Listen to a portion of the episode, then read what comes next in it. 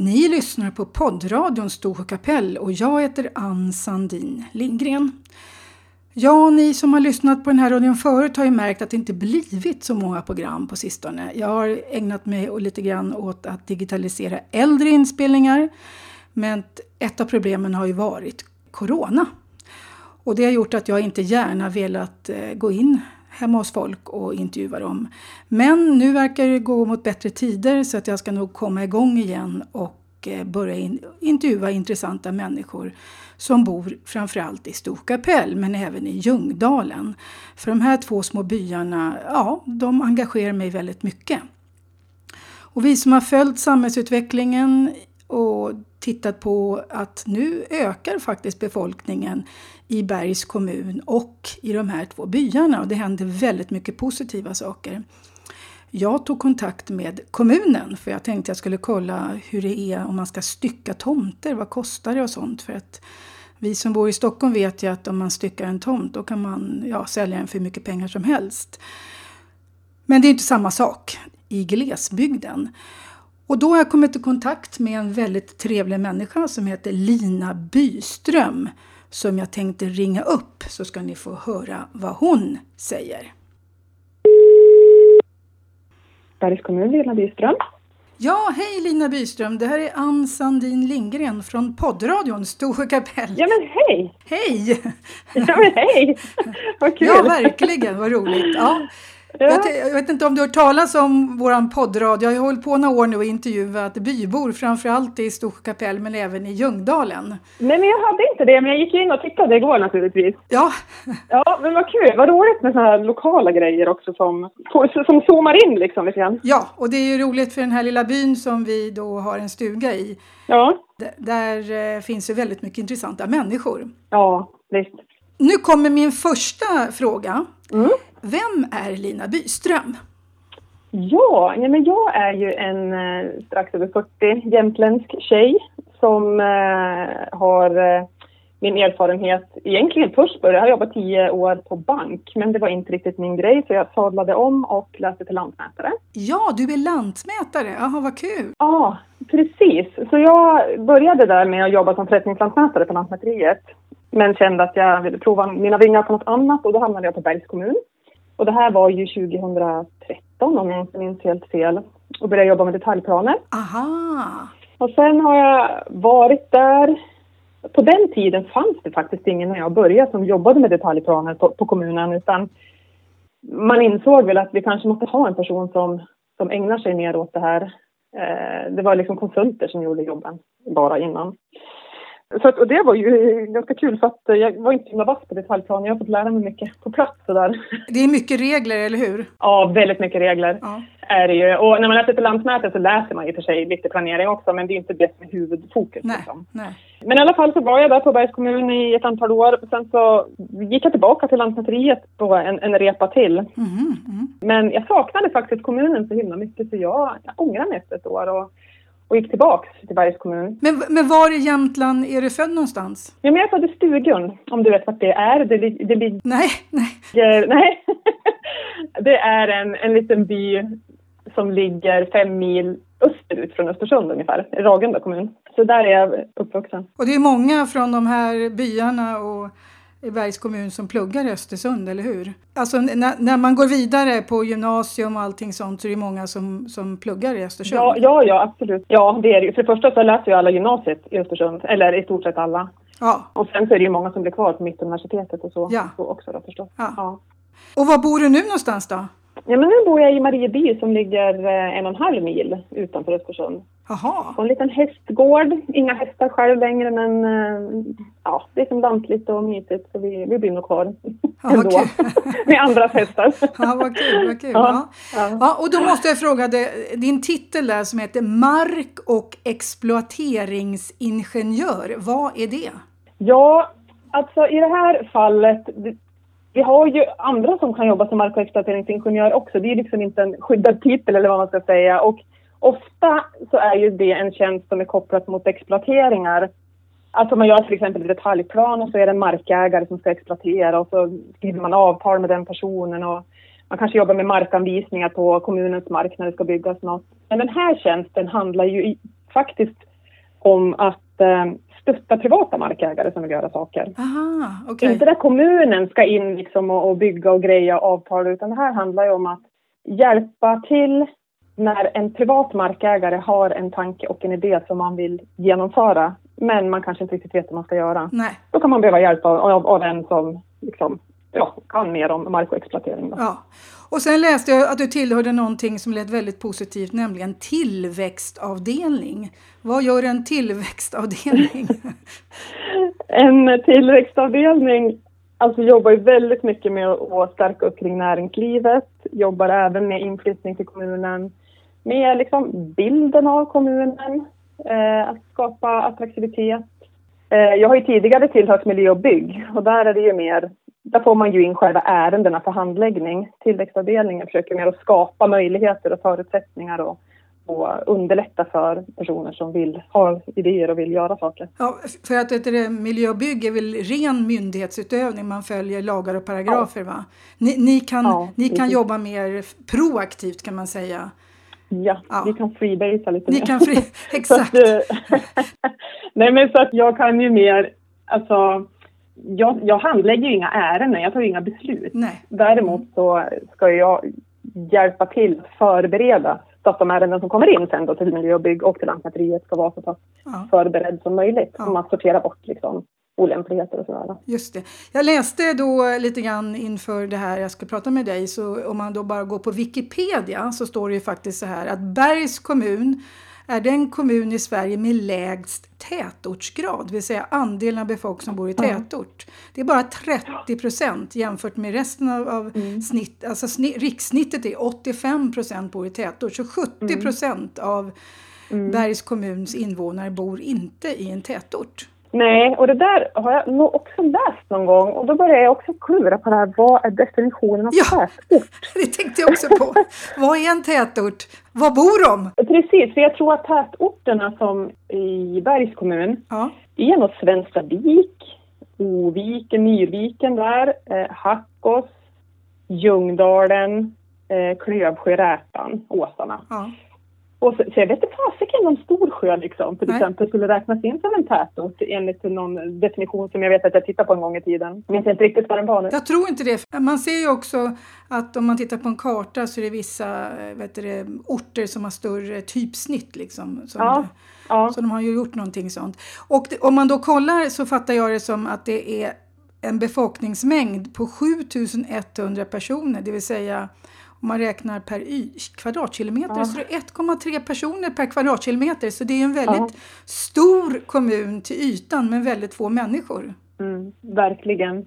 Väldigt stor och väldigt utspritt är det också. Ja. Och det gör ju också att det är otroligt viktigt och det är något som kommunen jobbar mycket med att hålla en, en liksom bra servicegrad också, trots att det är så långt mellan orterna. För att finns det inte en ICA i Ljungdalen till exempel, men vad händer med den byn då? Exakt så är det. Skolan är ju, det är väldigt få barn, men det är ju det är väldigt, väldigt viktiga frågor för att det är så pass långa avstånd. Ja, men det jag läste på er hemsida, det är ju faktiskt så att mm. den här statistiken för 2020 visar ju att det är den starkaste befolkningsutvecklingen på 30 år. Det har inte fötts så här många barn. Eh, det har liksom ökat Nej. på med, ja, ena stiften står det 59 personer, andra står det 73 personer. Det låter ju inte mycket men det är en mm. befolkningsökning. Ja men rent eh, procentuellt så blir det man får ju titta lite så i ja. de här små kommunerna. Så man inte jämför liksom fasta tal med de här större kommunerna. Nej. Ja, det, är ju, det föds ju väldigt mycket barn och det är ju superroligt. Så att någonting har hänt. Ja, och läser man på då så står det att eh, det flyttade in 420 personer till kommunen varav 191 personer flyttade in från annan kommun i länet ja. och lika många, 191 personer, flyttade in från övriga delar av Sverige. Också ja. från utlandet flyttade 38 personer till Bergs kommun. Så det är en stor inflyttning med 420 ja. personer. Det är ganska bra. Ja, och jag tror det har skett trendbrott. Och vi ser ju bland annat, ja men vi har ju en del fjällområden och där är det ju några faktiskt som har bosatt sig i sina fritidshus ja. permanent. Ja. Och vi har ju även eh, människor som hör av sig och eh, vill, alltså har, har en stuga till exempel här uppe eller har varit på semester och vill eh, bosätta sig permanent. Så att eh, det är väldigt roligt. Vad tror du är orsaken till att eh, befolkningsökningen har blivit, alltså att det ökat så mycket som det gjort i Bergs kommun? Ja, men delvis kanske det har att göra med att kommunen har arbetat aktivt med att försöka tala om att man, man behöver inte bara vara turist, man kan faktiskt bo här. Ja. Eh, och, och tagit fram liksom material och försökt befinna sig på, på olika ställen där det är liksom turister eller vad man ska säga. Mm. Men sen tror jag faktiskt också att det här med pandemin, det, det har nog ändrat lite mindsetet hos en del människor också. Att ja. Det här med att man kan jobba hemifrån, tror jag, nu är det chansningar, men, ja. men jag tror ändå att det är så att man har sett att okej, okay, men jag kan jobba hemifrån. Ja, men då är det ju ett, ett hus och en bra internetuppkoppling som krävs. Och då öppnas ju mycket, mycket mer möjligheter. Ja, för det är väl också någonting. För bredbandet, det var inte länge sedan vi fick bredband i Storsjö kapell och Ljungdalen. Mm. Och jag vet inte hur det är utbyggt i resten av kommunen, men det var ju det, det drogs ju väldigt lång sladd på att säga. Men, ja. men nu har vi ju till och med bredband i de här två fjällbyarna. Är det, är det bredband i alla kommunens delar? Eh, jag har faktiskt inte det i huvudet, men jag tror att det är bra, men det finns fläckar. Men jag vet inte exakt vart de där fläckarna är. Nej. Men på det stora hela så är det övervägande bra ändå med fiber. Ja. Ja, ja. för det pratar man ju om väldigt mycket för några år sedan att det skulle göra Hela landet lever, att man mm. byggde ut bredband. Men i början hände det inte så mycket. Nej. Och jag ser ju också att ni har ju någonting som heter inflyttarservice. Mm. Så att ni, ni jobbar ju liksom aktivt på att hjälpa folk. Ja. Och du var ju väldigt duktig när jag mejlade till dig och frågade lite frågor om hur man styckar tomter och så. Så svar, svarade ni direkt. Det, jag som Stockholmsmänniska är inte riktigt van att min kommun alltid är lika snabb på att svara. Jag är väl inte alltid heller snabb men försöker. Jo men det var ju det. vad, vad är inflyttarservice någonting? Eh, inflyttarservice har inte jag jobbat så mycket med än och jag, det handlar ju delvis om att den här tjänsten som jag har nu, den är ju helt ny och jag har ju jobbat på en annan avdelning innan. Men Inflyttarservice jobbar ju mer med personer som har av sig som vill flytta in till kommunen eh, och det är ju mer att man söker kanske en lägenhet eller så. Och så det skiljer sig lite från den rollen som jag har nu. På, det här är ju som ett projekt som vi ska köra under ett år där det handlar mer om att man vill bygga eller att man har mark som man tycker att man kan göra någonting av. Ja. Så jag är liksom lite tidigare i steget. Ja. Eh, men vi, vi pratar ju nu om att vi behöver ju se över lite grann hur, hur det lirar ihop. Det som jag ska ägna mig åt nu tillsammans med inflyttarservice. Så det kan ju vara för att man vänder sig dit fast man egentligen borde hamna hos mig. Ja. Så att vi verkligen ser till att inget far mellan stolarna. Precis, och det, det var det jag tänkte jag liksom prata med dig om. För att vi, vi har ingen jättestor eh, mark i Storsjö men vi har ändå ganska stor mark tycker vi då, utifrån mm. någon slags Stockholmsperspektiv. 24 eh, 000 kvadratmeter. Det här i Tyresö där jag bor så är liksom varje tomt på 1000 kvadratmeter så det är ju väldigt mycket ja. tycker vi då. Men, men ja. Och det gör ju det liksom att stora delar av våran eh, tomt behöver vi ju inte. Vi använder ju inte den ens, det är bara skog. Nej. Nej. Men, eh, och då tog jag, skulle jag ta reda på vad det kostar bara för att se om, om det finns någon anledning att stycka av. Ja. Och då svarade du att det kostar mellan 55 och 65 000 för en enklare avstyckning. Mm. Och då blir det väldigt jobbigt. Eller liksom, då mm. tappar man ju... För att eh, man får, det finns ju tomter nu till salu för ja, kring 70 000 i Storsjö och lite mer i Ljungdalen då. Men det är knappt lönsamt, eller rättare sagt det blir en ren förlustaffär att stycka av det mm. i de här fjällbyarna dit folk faktiskt vill flytta. Det där är ju tråkigt, men det är ju, det där kostnaderna för att stycka, de är ju Lantmäteriets kostnader så att de kan inte kommunen ja. rå liksom över då. Men, eh, och där är det, det spelar ingen roll om du får 15 miljoner för tomten eller om du får 15 000 så det är ju samma utgifter du ska ut med. Och det där Exakt. önskar man ju att det kunde få vara lite differentierat men tyvärr är det ju inte så. Men jag tänkte på det här med tomtpriserna i Storsjö för där det ska bli intressant att se. Det är några andra tomter på gång i Storsjö till exempel. Det är spännande att se vad de går för framöver här. För de här tomterna som ligger runt 70, det är ju kommunens tomter. Och de. Ja, de är ju faktiskt inte anpassade mot något marknadsvärde utan det är ju en taxa som kommunen har att man tar ett visst kvadratmeterpris för tomtmark som inte är detaljplanelagd till exempel. Eh, och då spelar det liksom ingen roll vilken by det är i, om det är mitt i Hackås eller om det är liksom ute i skogen någonstans. Så att jag, jag skulle kunna tänka mig att de där kanske är, skulle det vara eller liksom ute på öppna marknaden så kanske det skulle se annorlunda ut. Det kan ju slå åt båda hållen, det vet man ju inte. Det menar så. Men jag har ju pratat med väldigt mycket bybor kring det här med liksom hur ska byn, ja, framförallt Storsjö kapell som jag känner mest till. För att ja. det, är, det, det är skillnad på på, på Storsjö där, där folk, eh, det är inte så många som är fritidshus egentligen utan det är ju en, Nej. då, i och med att det här är en gammal skogsarbetarby så är det liksom, väldigt många är ju, ja, äh, kommer Mm. därifrån och bor kvar och så vidare. Mm. Medan i Ljungdalen finns det en helt annat utbud av fritidshus. Mm. Mm. Där det finns också, tu, jag tror det är nästan tusen va, mot fjäll, där uppe mot, eh, mo- mot fjällen. Och där det finns helt andra kanske priser därför att man, det är redan ett hus. Men jag har ju pratat med många i Storsjö. Och om man då eh, ska börja bygga ett hus från noll, det vill säga skaffa en tomt eh, där det inte finns el och inte vatten och inte avlopp och sen bygga ett hus eh, så kostar det ju lika mycket att bygga ett hus i Storsjö kapell som det gör i Tyresö där jag bor. Och här är ju hus värda ja, 4, 5, 6, 7, 10, 15 miljoner om man bygger ett nytt hus. Och bankerna ställer upp om man då har någon slags insats. Men det är ju inte så lätt att gå till banken och säga nu har jag tänkt att köpa en tomt som Nej. kostar så här mycket och sen ska jag bla bla bla bla. Precis. Eh, det, där, det är inte så lätt Nej. för folk heller att bygga nytt. Därför de kom, det, det, kostar, ju det, det kommer ju kosta Mm. dem 2-3 miljoner att bygga nytt. Och ändå så kommer de aldrig få ut det. Nej, och det där är ju någonting som, som eh, alltså det är ju en jätteviktig aspekt. Just utifrån att du måste ha pengar på banken Ja. om du ska bygga ganska många lägen i kommunen. Ja. Det finns ju några, några ställen i Bergs kommun där du ändå har ett så pass högt marknadsvärde så att du kan gå till banken och få lån. Men annars så handlar det ju otroligt mycket om att få till de här attraktiva lägena. Ja. För att bygga någonstans där du inte har utsikt eller sjönära, det, du får inte låna pengar till det. Nej. Och där har vi den där frågan tog vi upp ganska mycket i när vi tog fram en ny översiktsplan 2018 Ja. som ett argument också för att få komma lite närmare än 100 meter.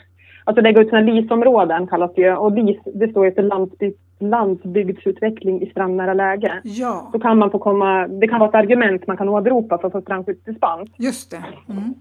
Eh, man kan fortfarande inte gå hela vägen ner mot sjön men man kan i alla fall komma en 25-30 meter ifrån det istället för 100 meter. Okej, men 100 meter är vad som gäller annars va? Det kan ju vara, Ja. här i Stockholmsområdet kan man ju till och med få, de kan ju utöka det till 300 meter därför här. Ja. Nej, som jag vet och jag vågar nästan säga att jag är säker på att det finns inget sådant område i, i Bergs kommun där det är 300 meter Nej. utökat. Ja.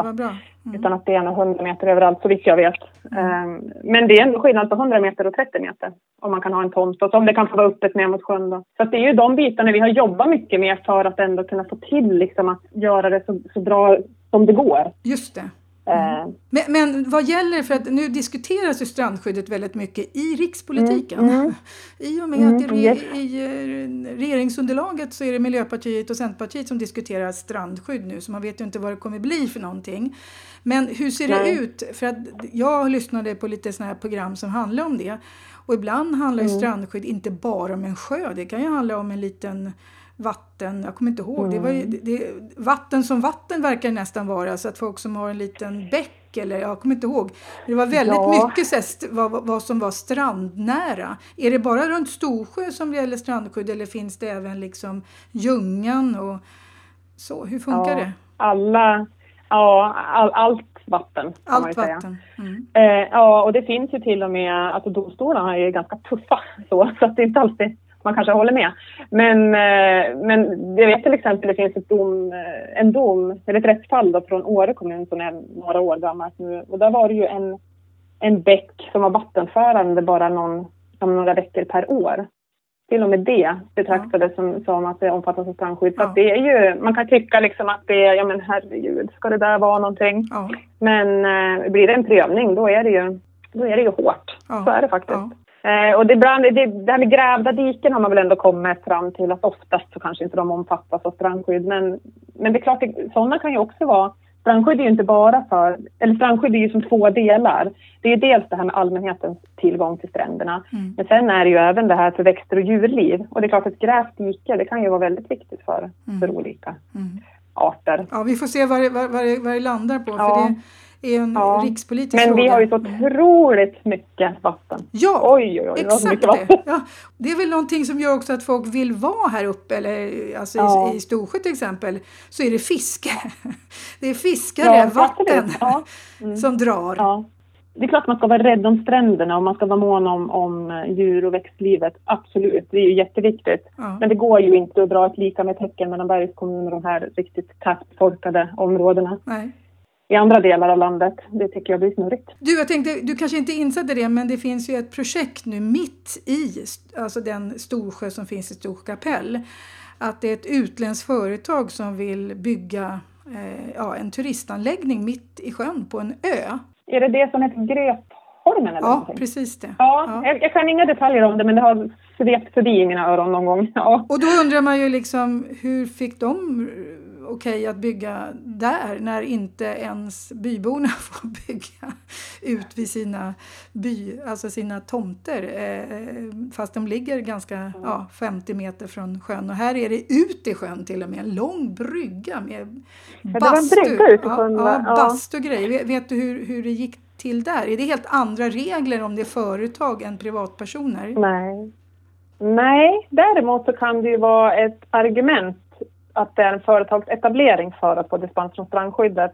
Om det är, alltså det är samma där med här LIS då, landsbygdsutveckling i strandnära lägen. Det kan ju vara både att man får liksom, personer som bor permanent eller så att det är ett underlag liksom, för handel och service Ja. i skolan och sådär. Men det kan ju även vara en företagsetablering. Ja. Eh, men, eh, nej, men jag har tyvärr inga detaljer Nej, där nej. På, på hur hand, handläggningen har gått till. Ja. Nej, för det skulle jag gärna vilja fråga om, för det engagerar ju många bybor. Mm. I och med att det handlar om ett Ja. utländskt företag som ska flyga dit en massa superrika människor som ska vara där ute. Så att det verkar Ja. ju inte vara direkt byborna som ska jobba där ute. Men man vet ju inte hur det blir. Nej. kanske blir någon som får ett jobb där. Ja. Nej men alltså Ja. lagstiftningen får inte ta hänsyn till vem på så sätt, liksom om det är en bybo som vill bygga något eller om det kommer någon från ett annat land Nej. och söker, utan Nej. den ska ju vara helt eh, fri från eh, liksom personliga, eller vad man ska Just säga, ja. på, påverkan. Just det. En annan sak jag tänkte på som också slår en väldigt mycket när man åker, ja, när vi åker hela vägen upp egentligen och vi åker på småvägar. Det är att det Mm. finns väldigt mycket ödegårdar nu i, ja, Mm. I glesbygden. Man ser att Ja. och vissa hus man går förbi är det aldrig tänt i och det bara växer igen. Mm. Och man förstår att det här kanske är en gammal släktgård som man inte har delat på.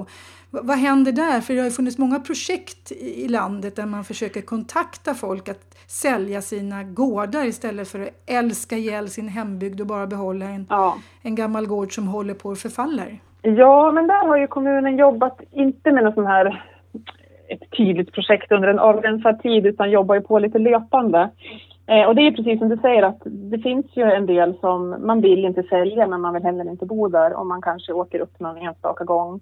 Och i vissa fall är det ju så att det, det är så pass många delägare för det är ärvt och Yes. blivit så mycket folk så ingen orkar bry sig nästan. Men eh, där har ju kommunen jobbat lite mer, försökt liksom jobba ut mot byarna, bland annat med med att jobba mot hembygdsföreningar till exempel ute i byarna för att försöka liksom identifiera med vilka är det faktiskt som är kanske övergivna nästan och vilka är det Ja. som är eh, eventuellt till salu för att försöka få liksom de här Mm. människorna ute i byarna som faktiskt känner till lite mer. Så inte vi sitter och bara random ringer på, på hus. Utan att vi får liksom Varför? hjälp utifrån Ja. befolkningen eh, som, som bor liksom ute på de här olika platserna med att få in lite underlag. Så. För sånt kan vara väldigt känsligt också. Att, att, Mm. Ja, Så det är väldigt svårt egentligen hur man ska göra där. Förutom att man kan ju uppmuntra folk att Ja. sälja. För det är också fascinerande tycker jag med Storsjö att eh, under de här åren som vi har varit ja, aktiva kan man säga då. Så för tio år sedan fick man inte mycket för ett hus i Storsjö. Så då förstod man ju kanske att folk inte ville sälja för man kanske bara fick 300 000. Eller, och det var knappt värt det. Men nu har ju flera hus faktiskt sålts för över en miljon. Och det är ändå pengar som, man, som en släkt kan dela på. Ja. Eh, om man nu är flera stycken. Så det finns ju större eh, liksom, incitament att, att sälja sina gamla Ja. gårdar. Ja, men så är det. Sen tror jag också att ibland kan det vara så här också att det är flera delägare och någon kanske vill ha kvar det men alla, ja, om man vill säga att tre personer vill behålla det och tio personer vill sälja Mm. så blir det liksom de som vill behålla som någonstans får bestämma hela tiden. Men det finns ju faktiskt en lagstiftning man kan, man kan eh, använda sig av om man vill komma ur ett samägande till exempel. En, en lag som heter samäganderättslagen och den kan ju vem som helst som är delägare i någonting går till och säger att ja, men jag vill komma ur det här samägandet. Ja. Och då kan man ju, är det en större gård, då kanske det går en klyvning hos Lantmäteriet, man får ut sin del om man delar upp den då. Mm. Och annars så blir det ju försäljning via Kronofogden. Så att det är ju lite tuff väg att gå, men jag tror inte många känner till att det faktiskt är så. Nej. Ja, och, och, det, och det är väl också, för det vet jag med här, folk som skaffar sig fina ställen ute i Stockholms skärgård som kan vara värda hur mycket pengar som helst. Ja. Och sen blir det barn och sen så går några år och plötsligt är man fem familjer. Mm. Att det räcker med att någon kommer på obestånd. Ja. Alltså, då, då plötsligt så kan hela huset säljas på exekutiv auktion om det är så Ja. att man är flera delägare. Och, ja, så det är också, samägandet har ju en risk. Absolut, och du vet, det där är ju lite heligt hos lantmätare. Man försöker alltid avråda från samägande. Ja, visst är det så. förr eller senare brukar det bli strul eller ja, men så här då, som att det kan bli övergivet till och med. Ja, det, det är jättesvårt. Ja, och är, jag, jag försöker då även att avråda. Man, man, det är så lätt att tänka att det är två barn och så ska det ärvas eller det ska lämnas över till nästa generation. Ja, men vi är så sams och hej och Jo, fine, det kanske ni är, men nu är ni två. Ja. Och sen så kanske någon byter partner eller eh, Precis är det. det kan hända, eller, eller få ekonomiska problem och så är liksom det här köret igång. Ja, så är det. Och det måste man nog tänka på lite grann va? För, för det tänker jag, man, man, man tänker ju inte så här heller liksom om man är två delägare eh, och så kanske någon inte har barn. Nej, precis. Eh, och då plötsligt så, så, så går det inte till, då blir det liksom inte, då, då är det sysk, andra, ja, eh, syskon och Ja. kommer in en massa delägare. För det Ja. har vi haft ett ställe nere i, på västkusten där en, min, min morfars barnlösa syster gick och dog och då plötsligt så ärvdes det till ja, 20 stycken andra, alltså syskonbarn. Ja. Eh, så att vi var tvungna att lämna det huset. Ja. Att, ja, det gäller att ha koll på papperna innan så att det styrs liksom, testamenterat och sådär. Därför att det är snabbt gjort. Och det, ibland så tänker jag att det där handlar lite grann om att man vill, man vill liksom inte man vill inte tjafsa. Det kanske till med kan vara svårt att säga att jag inte är Nej. intresserad av det där. För det kan vara på något vis någon form, nästan som en, en kritik mot den som har haft den där stugan och byggt den där stugan och älskat sin plats. Och då kan det vara svårt som barn att säga Ja. nej, men jag vill Ja. inte ta över. nej, nej, nej, men sånt där bör man nog tänka på för det Mm. speciellt de här stora fina gårdarna. Ja. Och det, men jag tänker också på såna här gårdar, för det kan man ju också se som är nästan, vad ska man säga, som, där taket har rasat in. Mm. Eh, Det ser livsfarligt ut. Skulle det vara här Mm. nere så skulle kommunen direkt gå in och säga eh, rivning genast och lägga på någon föreläggande. Men jag Mm. ser ju när jag åker igenom olika byar att oj, nu har den där ladan rasat ihop och Mm. oj, den där gamla timmerhuset har nu hus, äh, ena sidan. Alltså, Mm. vad händer på de som missköter sina gårdar? Alltså kommunen har ju inte koll så att man åker runt och inventerar utan men ibland kommer det ju faktiskt in något, eh, ja men det kan vara någon granne eller någonting som skriver in till kommunen att här behöver ni agera. Ja, Och då får man ju göra ett ärende på det och titta på det då.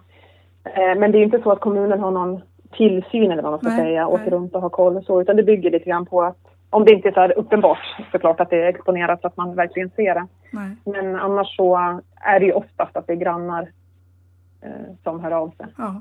och tycker att det känns osäkert eller ja, risigt. Liksom. Mm. En annan sak jag tänkte, vi, hade, vi har ju haft ett projekt som heter Fjällflytt som jag kanske inte tror kommunen Mm. initierade va, utan det var väl något länsstyrelsepengar, jag vet inte vad det var för någonting. Eh, och då, då, Ja. då var det ju många som ville flytta till ja, både Storsjö och, och Ljungdalen. Eh, men har ni liksom varit involverade i någonting? För jag tror det ligger li- lite grann på vänt just nu på grund av coronan. Eh, Jag har inte varit involverad i det och jag vågar inte hundra svara eftersom jag inte har jobbat precis med de här frågorna innan. Så jag har Nej. inte liksom hundra koll på alla detaljer på allt som har hänt innan. Men eh, jag vet ju att eh, det kanske var fjällflytt.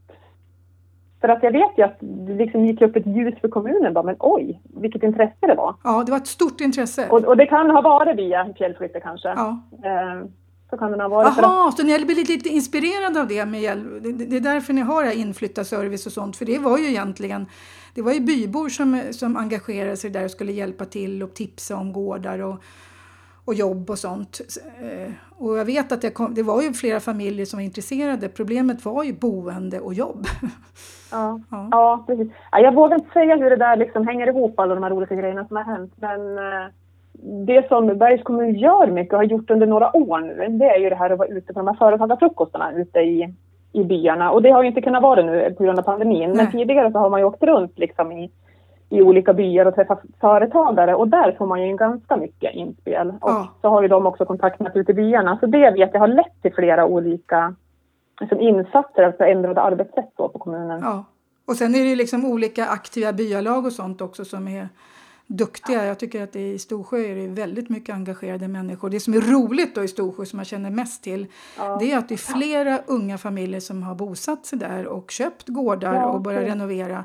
Så att jag tror att det ja. under de här senaste åren så är det 11-12 små barn som har fötts eller flyttat in. Eh, så att det är ja. jättemycket tvååringar. ja, vad kul! Ja. Det blir lite ny, nytt, drag på skolan här Ja, exakt. Så att man måste, ge, man måste låta... Man får absolut inte lägga ner den där skolan för då flyttar de väl sen. Eh, så att det är viktigt det här med ja. skola och allting. Mm.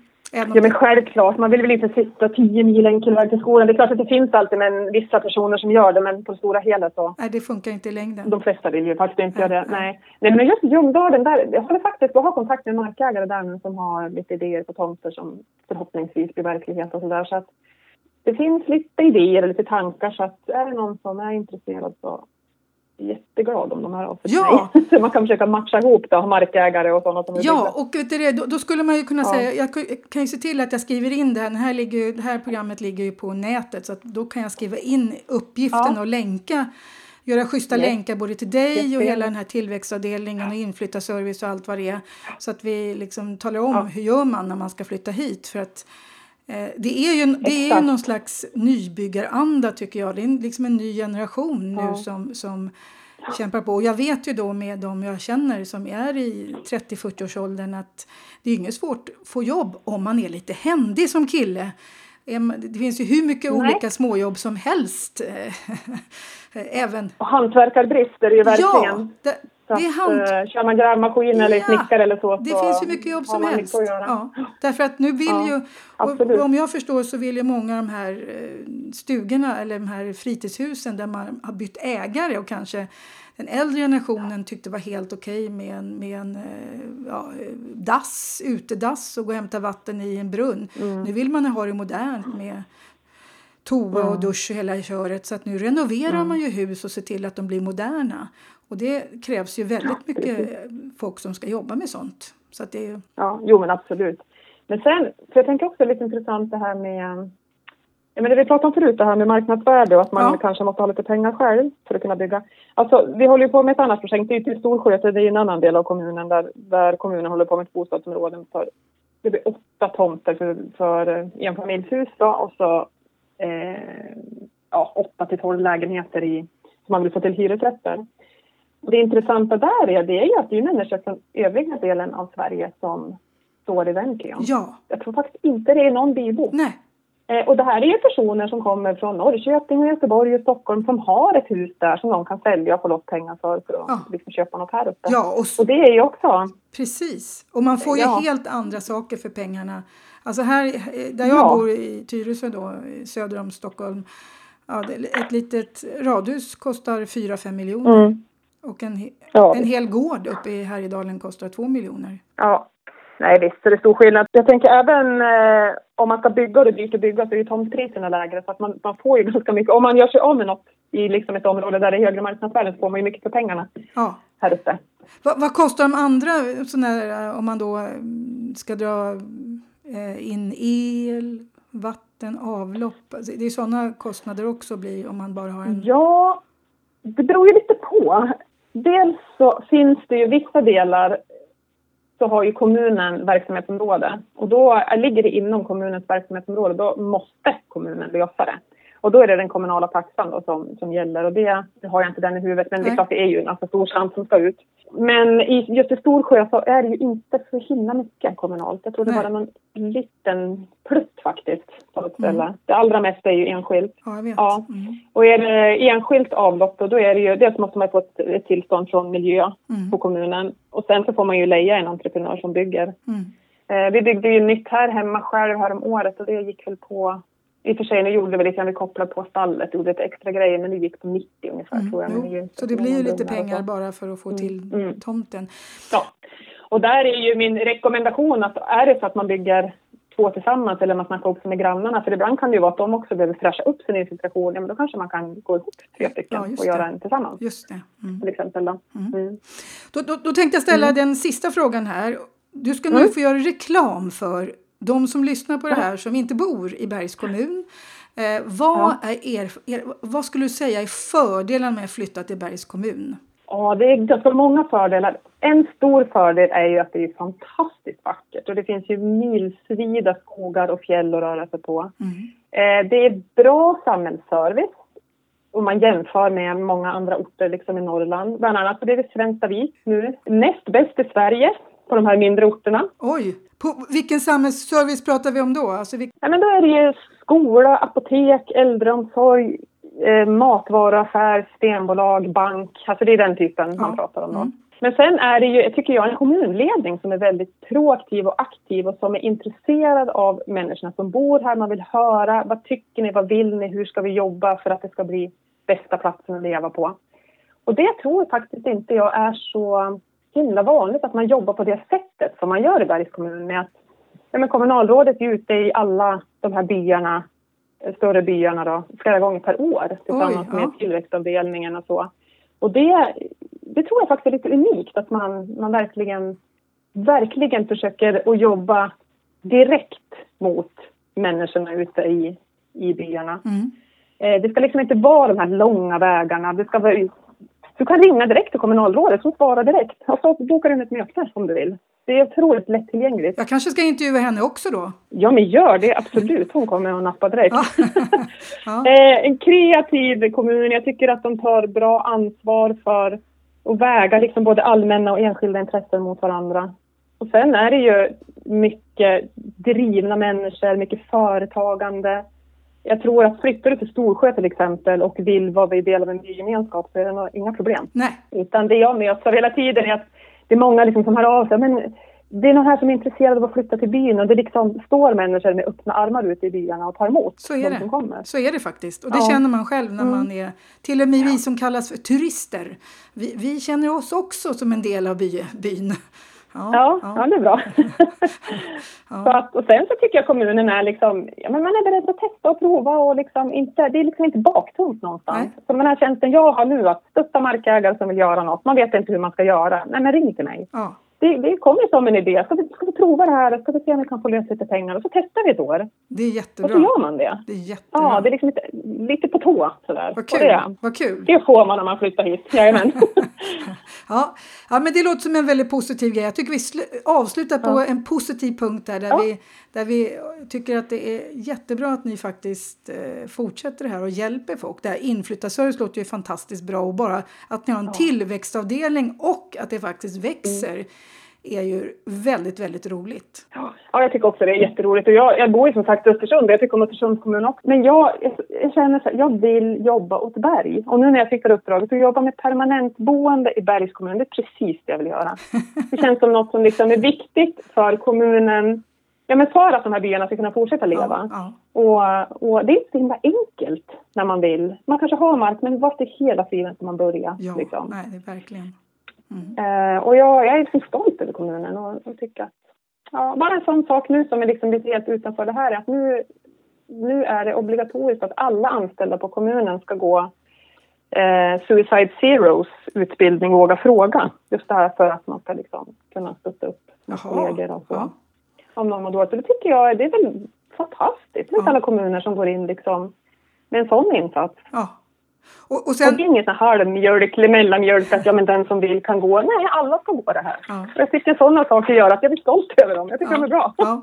Och sen har ni någon rolig grej, det är, är det kommunen som gör det? Man utser årets servicemänniska, årets... Är det Ja, kommunen som har... Guldstjärnan då. Ja, Guldstjärnorna, det tycker vi är roligt. Vi, Mm. vi röstar varje år Ja. på, på by, ja, byborn som ska ha guldstjärnor. ja, ja, men det var väl någon från Storsjö, var det i fjol eller för två år sedan? Eller var det? Ja, det, det, det, jag tror inte någon fått första platsen va? Men, men det spelar ingen roll, guldstjärnor delas Nej, ut. bara bli nominerad ja. det är väl jättefint. exakt, exakt. Ja. Ja. Det är Marlene ja. Åslund som är vår stora mm. idol. Det är hon som leder mm. vår trevliga Facebook-sida där hon berättar om allt som händer som har gjort att vi som inte är där hela tiden, vi har full koll på när ja. löven faller och när skoterlederna har fixats och när, ja så att ja. Eh, nu ja. går byrenarna, ja så att vi har ju koll även vi som inte är där så det gör ju att vi eh, känner oss ja, väldigt mycket mer som en del av byn än om vi bara skulle komma dit när vi åker ja, dit. Ja, hennes namn hör man ju lite grann ibland i olika sammanhang. Jag förstår att hon är aktiv. Ja. ja. Eh, hon, är, är hon är en stjärna. Ja, vad kul. Tack så mycket Lina Byström, mark och exploateringsingenjör på tillväxtavdelningen i Bergs kommun för att du ställde upp på den här poddradion Storsjö kapell. Ja, men tack så mycket för att jag fick vara med. Jätteroligt att få prata med dig och jag hoppas nu på många lyssnare som hör av sig till kommunen och vill flytta hit eller ha mark. Ja. Jag ser till att alla uppgifter och alla mejladresser och alla telefonnummer kommer ligga här i podden så att de som vill läsa på om det kan hitta dig. Perfekt. Jättebra. Och nu får man snabba på lite. Jag ska bara tillägga det på slutet. Det här är ett projekt som löper till sommaren 2022. Där man får gratis hjälp med det här. Just det, man får gratis hjälp. Gärna. Man måste inte fylla i alla blanketter först och sen få nej utan man kan prata med er i förväg och få bra information och ni hjälper ja. till hur man ska göra. Exakt. Man hör av sig till mig och så kan jag, vissa idéer är ju faktiskt så här att jag kan se på en gång att det där kommer aldrig att gå. man får inte igenom nej. ett sånt ärende och andra saker kan jag hjälpa till att styra liksom och utreda och titta ja. på. Mm.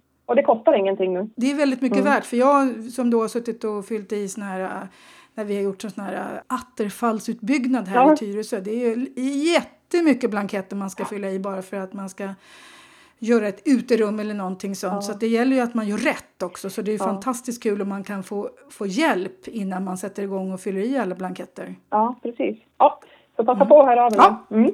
ja, precis. Eh, så nu har ni alltså lyssnat på poddradion Storkapell och jag kommer alltså fortsätta tack vare Lina nu att intervjua på distans nya personer från kommunen så vi även tar reda på vad alla de tänker om hur utvecklingen i de här två byarna ska vara. Och jag heter Ann Sandin Lindgren. Den här poddradion, som jag döpt till poddradion Storsjö kapell, den görs helt ideellt av mig och det är mitt sätt att bidra till utvecklingen av den här fina lilla fjällbyn som jag har förmånen att kunna vistas i så ofta jag kan. Tillsammans med min man Bosse och hans bror Lasse har vi en stuga på gården som kallas Hanabax. Vill du veta mer om oss så gå in under fliken om poddradion i menyn och lyssna på vår berättelse. Vill du också bidra till byns utveckling och det tror jag väldigt många vill göra så går det jättebra att sätta in pengar till Storsjö byalag som har swishnummer 123 107 2891. Alltså swishnummer 123 107 2891 eller på bankgironummer 5306-2840. Alltså bankgironummer 5306-2840. Det här kan man läsa om på Marlens hemsida storsjöbor.se. Och vill man lämna kontanter så går det ju bra att göra det till Hans-Ove på Storsjö lanthandel som har en lista till byalaget. Så vi får hjälpas åt allihopa och se till att den här byn lever vidare och även stötta Ljungdalen och det som kallas Ljungdalsfjällen. På återhörande!